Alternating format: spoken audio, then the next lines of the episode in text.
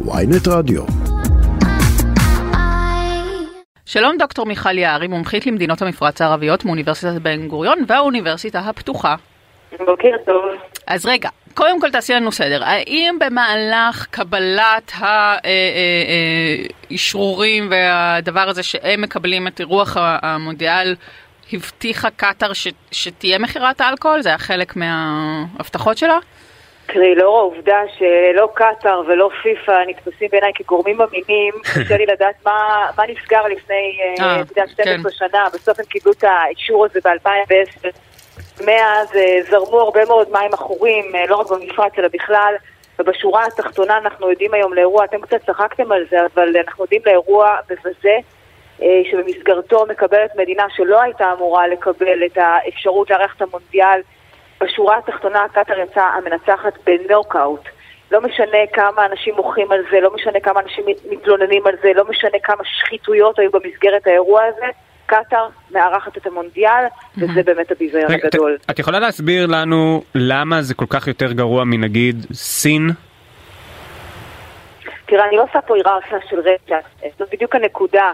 אה, כשאנחנו נשאל את השאלה בסיומו של האירוע הזה, איזו מדינה היא מספיק כשרה וטובה כדי לארח תחרות בינלאומית, אה, התשובה תהיה מאוד מצומצמת, כי כנראה שאין זהו, הרבה מדינות שיענו על הקריטריון הזה, אבל, ויש פה אבל גדול, כשמדינה כמו קטאר משלמת סכומי עתק כדי לשחד את ראשי פיפ"א לארח את המונדיאל אצלה, זה הביזיון הגדול. אני עוד לא מדברת בכלל על זכויות אדם, אני מדברת על זה שמשחק שהוא הכי אהוד בעולם, בעצם הופך להיות מזוהם.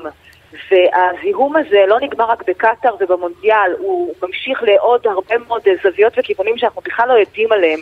אנחנו מדברים על קניית שחקנים, אנחנו מדברים על, על ספונסוריות, על, על סבסוד בסכומי עתק של קבוצות הכדורגל הכי נחשבות בעולם. רגע, תראה, אבל דוקטור... זה, כן. רק שנייה, משפט אחד. סעודיה קנתה, מה זה קנתה? סבסדה, איך שתרצי לקרוא לזה, ב-780 מיליון דולר את קבוצת הכדורגל הבריטית ניוקאסל, אה, קטאר עשתה את זה עם אה, פריס סן ג'רמן. רגע, מה לא בסדר בזה? מה לא בסדר בלקנות אה, נבחרת? אז שוב, אנחנו נכנסים פה לשאלה פילוסופית עמוקה. כשאתה בעצם מגיע ממדינה שיש בה בעיה קשה מאוד של זכויות אדם, זאת לא עוד מדינה, אוקיי? אוקיי, לא למה לא? לא קטאר. אז, אז אנחנו לא ניכנס לוויכוח הזה, כי אני לא, בטח לא אשפוט, אני רק נותנת לך את הזווית הבעייתית לא, אני לא בוויכוח, אני מבקש אה, רק אה, שתסבירי, את, את נורא נחרצת בנוגע להפרת זכויות האדם שם, אז רק אם תספרי לנו מה שם כל כך גרוע. פשוט תספרי, אין לי, אני לא בא להתווכח אפילו, אני טבולה ראסה. בוא נדבר אה, על העובדות, והעובדות הן שאלפי, אלפי עובדים זרים שמגיעים מהמדינות הכי מוחלשות בעולם, כן, שמענו עכשיו במבזק חדשות, אה, קרוב כן. לשבעת אלפים אה, עובדים זרים. נכון, אז האנשים האלה מתו בשביל שלאותם מועדים יהיה נוח באצטדיון. אבל רגע, קטאר קיבלה את האירוח לפני שהאנשים האלה מתו. אה, וכבר אז, אוקיי, לא, אוקיי, וכבר אז נשמעו קולות. עכשיו אני גם שוב, אני לא מתווכחת איתם, אבל זה כאילו, יש את הנקודת מוצא שהיא קטאר מדינה לא לגיטימית, שלא אמורה לארח אירועים לא, שבהם זה. אני אענה לך על זה, אוקיי. הסיפור הוא הרבה יותר פשוט. אני הייתי ב-2018 בקטאר, כדי לראות באמת איך הדברים זורים. כבר אז היו עשרות עיתונאים זרים שבאו ואמרו, אנחנו ראינו לנגד עינינו מחזות מחפירים, מחרידים, אנחנו התפתחות מודרנית. את הדברים האלה אפשר היה לראות כבר לפני חמש, שש ושבע שנים, לאף אחד לא היה אכפת, ורק עכשיו אנחנו רואים את ההתעוררות הזאת. וכשאני אשב בכיסא הזה, אה, אה, באצטדיון המפואר הזה, ואני אחשוב כמה דם נשפך בשביל שיהיה לי נוח, אותי באופן אישי זה מחריד. כן. עכשיו, האם זה אומר שאותו אוהד כדורגל לא צריך לנסוע כדי לראות בסוף את הקבוצה שהוא אוהד? אני לא יודעת, אני לא נכנסת בכלל למקומות האלה. אבל יש טעם לפגם, וההתעוררות היום שאנחנו רואים של שחקנים, של uh, uh, קבוצות שמממנות, של, חבר, של חברות שמממנות uh, uh, קבוצות כדורגל, ההתעוררות הזאת היא מאוחרת מדי. האם יש איזושהי השפעה? השפעה מינורית ביותר. עובדה שהמונדיאל מתארח בקטאר. עכשיו, אני חוזרת לשאלה הראשונית, איך זה הולך להשליך על אירוח תחרויות uh, הכי גדולות בעולם במדינות מפרציות אחרות? אני לא יודעת. אני לא יודעת. פורמולה 1, uh, מרוץ המכוניות הגדול והחשוב ביותר בעולם, התארח בשנה האחרונה בסעודיה, בבחריין, באיחוד האמירויות, האם זה אומר ששנה הבאה זה לא יתארח שם? אני לא יודעת. אנחנו כן צריכים לתת את דעתנו למשמעויות של מדינות, עזבו זכויות אדם ברמה שאנחנו מדברים על סין.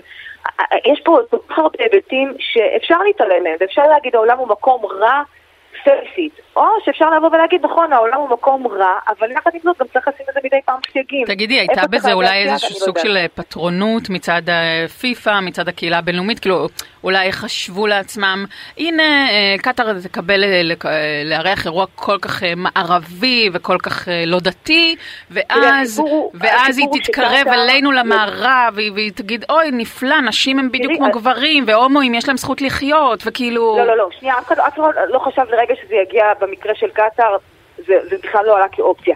את יכולה לבוא ולהגיד שקטאר מראש אה, צפתה כל מיני בעיות שיעלו, ולכן היא בעצם עשתה מונדיאל שלכאורה הוא הפוך לגמרי מהאופי הטבעי שלה. למה אני מתכוונת? אם קטאר, הרי היא יצואנית גז טבעי, יצואנית נפט, היא הורסת את העולם, בסדר? היא, מה לעשות, היא פוגעת בכדור הארץ, אז מה היא עושה כדי למרק את התדמית שלה? היא, לדבריה, בונה את המונדיאל הכי ירוק בעולם. מה זאת אומרת המונדיאל הכי ירוק בעולם? יש שם הרבה מאוד דגש על מחזור, יש שם שימוש באנרגיה ירוקה ועוד כהנה וכהנה דברים. אבל אז מגיעים ארגוני, אה, ארגוני אקלים למיניהם ואומרים על מה אתם מדברים? הרי המיזוג שיהיה באצטדיונים הוא אה, מבוסס על חשמל, חשמל שהוא לא, לא נשען על אנרגיה ירוקה, ולכן כל הניסיון לייצר את המונדיאל הזה כאילו זה ירוק, זה קשקוש אחד גדול. ולמשל קטאר באה ואומרת, אתם יודעים מה, יש לכם ביקורת עלינו, אז אנחנו נראה לכם עד כמה אנחנו פתוחים. הנה, בדרך כלל במדינה מוסלמית כמו שלנו אסור לשתות אלכוהול, אנחנו נאפשר לדבר הזה לקרות, אבל אנחנו נתחם את זה לאזורים מסוימים.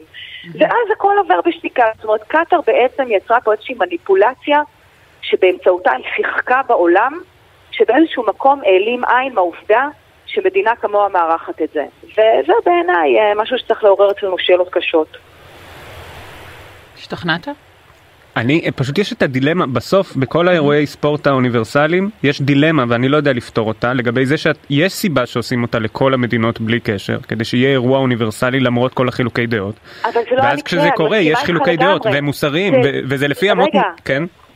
בוא נעצור, אתה צודק לגמרי, קשה מאוד לבחור מדינה שהיא תעמוד בפרמטרים דמוקרטיים ליברליים, אבל כאן כל הסיפור הזה ניתן בשוחד, איפה אתה חושב? זהו, זה אני יכול, אני לא מכיר את הסיפור פשוט. אני אגיד לכם אוקיי. יותר מזה, אה, בגלל שקטאר לא בנויה לארח מונדיאל, לא בנויה לזה מבחינת הטמפרטורות, כסף לא יכול לקנות מזג האוויר. בגלל זה בפעם הראשונה בהיסטוריה מעבירים את המונדיאל מהקיץ לנובמבר, למה הדברים האלה צריכים לקרות? אבל אה, זה אפליה מתקנת, זה ממש אפליה מתקנת לטובת הערבים. אז זה אחלה.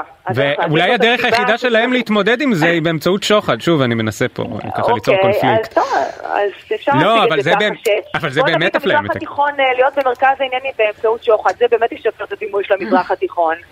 אתה יודע, כאילו... שוב, חוץ מכסף, לא הייתה להם שום דרך. אפשר גם להגיד שבעצם צמצום מספר בני האדם על פני כדור הארץ, הם כן, כן מונדיאל ירוק. לא, אבל אה, למדינות המערב קל לשכנע את אה, פיפ"א לשים אצלם אה, משחק. מדינה ערבית צריכה לשים שלמונים.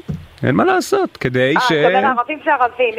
חס וחלילה, זה אפליה לא- כי אנחנו מראש נותנים לה... אני גם לא טוענת פה דבר כי אינני יודעת, אבל יש לי תחושה שאולי זו לא הפעם הראשונה שפיפ"א קיבלה איזה שלמון, כאילו. בוודאי שלא. כן. תראו, יש עכשיו סדרה נהדרת על פיפ"א, להיסטוריה של פיפ"א בנטפליקס. אפשר ממש לראות שזה חלק מה-DNA של הארגון הזה במשך אוקיי. לא מעט שנים. ושוב, אם אנחנו אומרים ש... זה מה שהערבים יודעים לעשות, אה, הם יודעים לתפקד, כי אין להם שום דרך אחרת אה, להציג לא אמרתי שזה כי...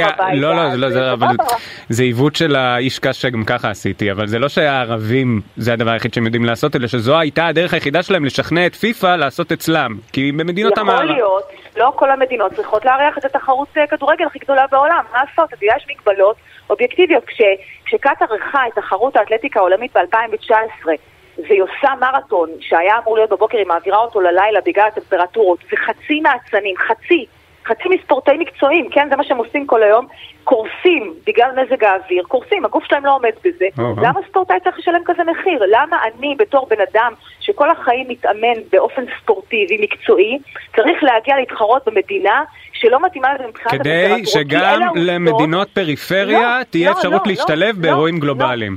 לא, אז, אז אה, אין בעיה. תראה, אתה לא תעשה את אולימפיאדת החורף בישראל, נכון? אני אגיד לך כאילו- יותר מזה, אני אגיד לך יותר מזה. אתה יודע שפעם הייתה תחרות מים פתוחים, הייתה תחרות מים פתוחים באיחוד האמירויות, הטמפרטורות של המים היו גבוהות מדי, ואחד השחיינים הכי טובים בארצות הברית מת. אז אם אתה רוצה בשם הדברים האלה, בשם הפריפריה, להביא אנשים ולסכן את חייהם, כי מה לעשות, גם לפריפריה מותר, אז סבבה, אני חושבת ש, שיש מגבלות, שהן אובייקטיביות, שמדינות לא יכולות לשנות אותן, כמו מזג האוויר, ואף ספורטאי לא צריך לשלם בחייו בגלל שאתה רוצה עכשיו להביא את הפריפריה למרכז. דוקטור אה, אה, מיכל יערי. דוקטור מיכל יערי, מומחית למדינות המפרץ הערביות. זו גם דעתי עכשיו. תודה רבה ששוחחת איתנו.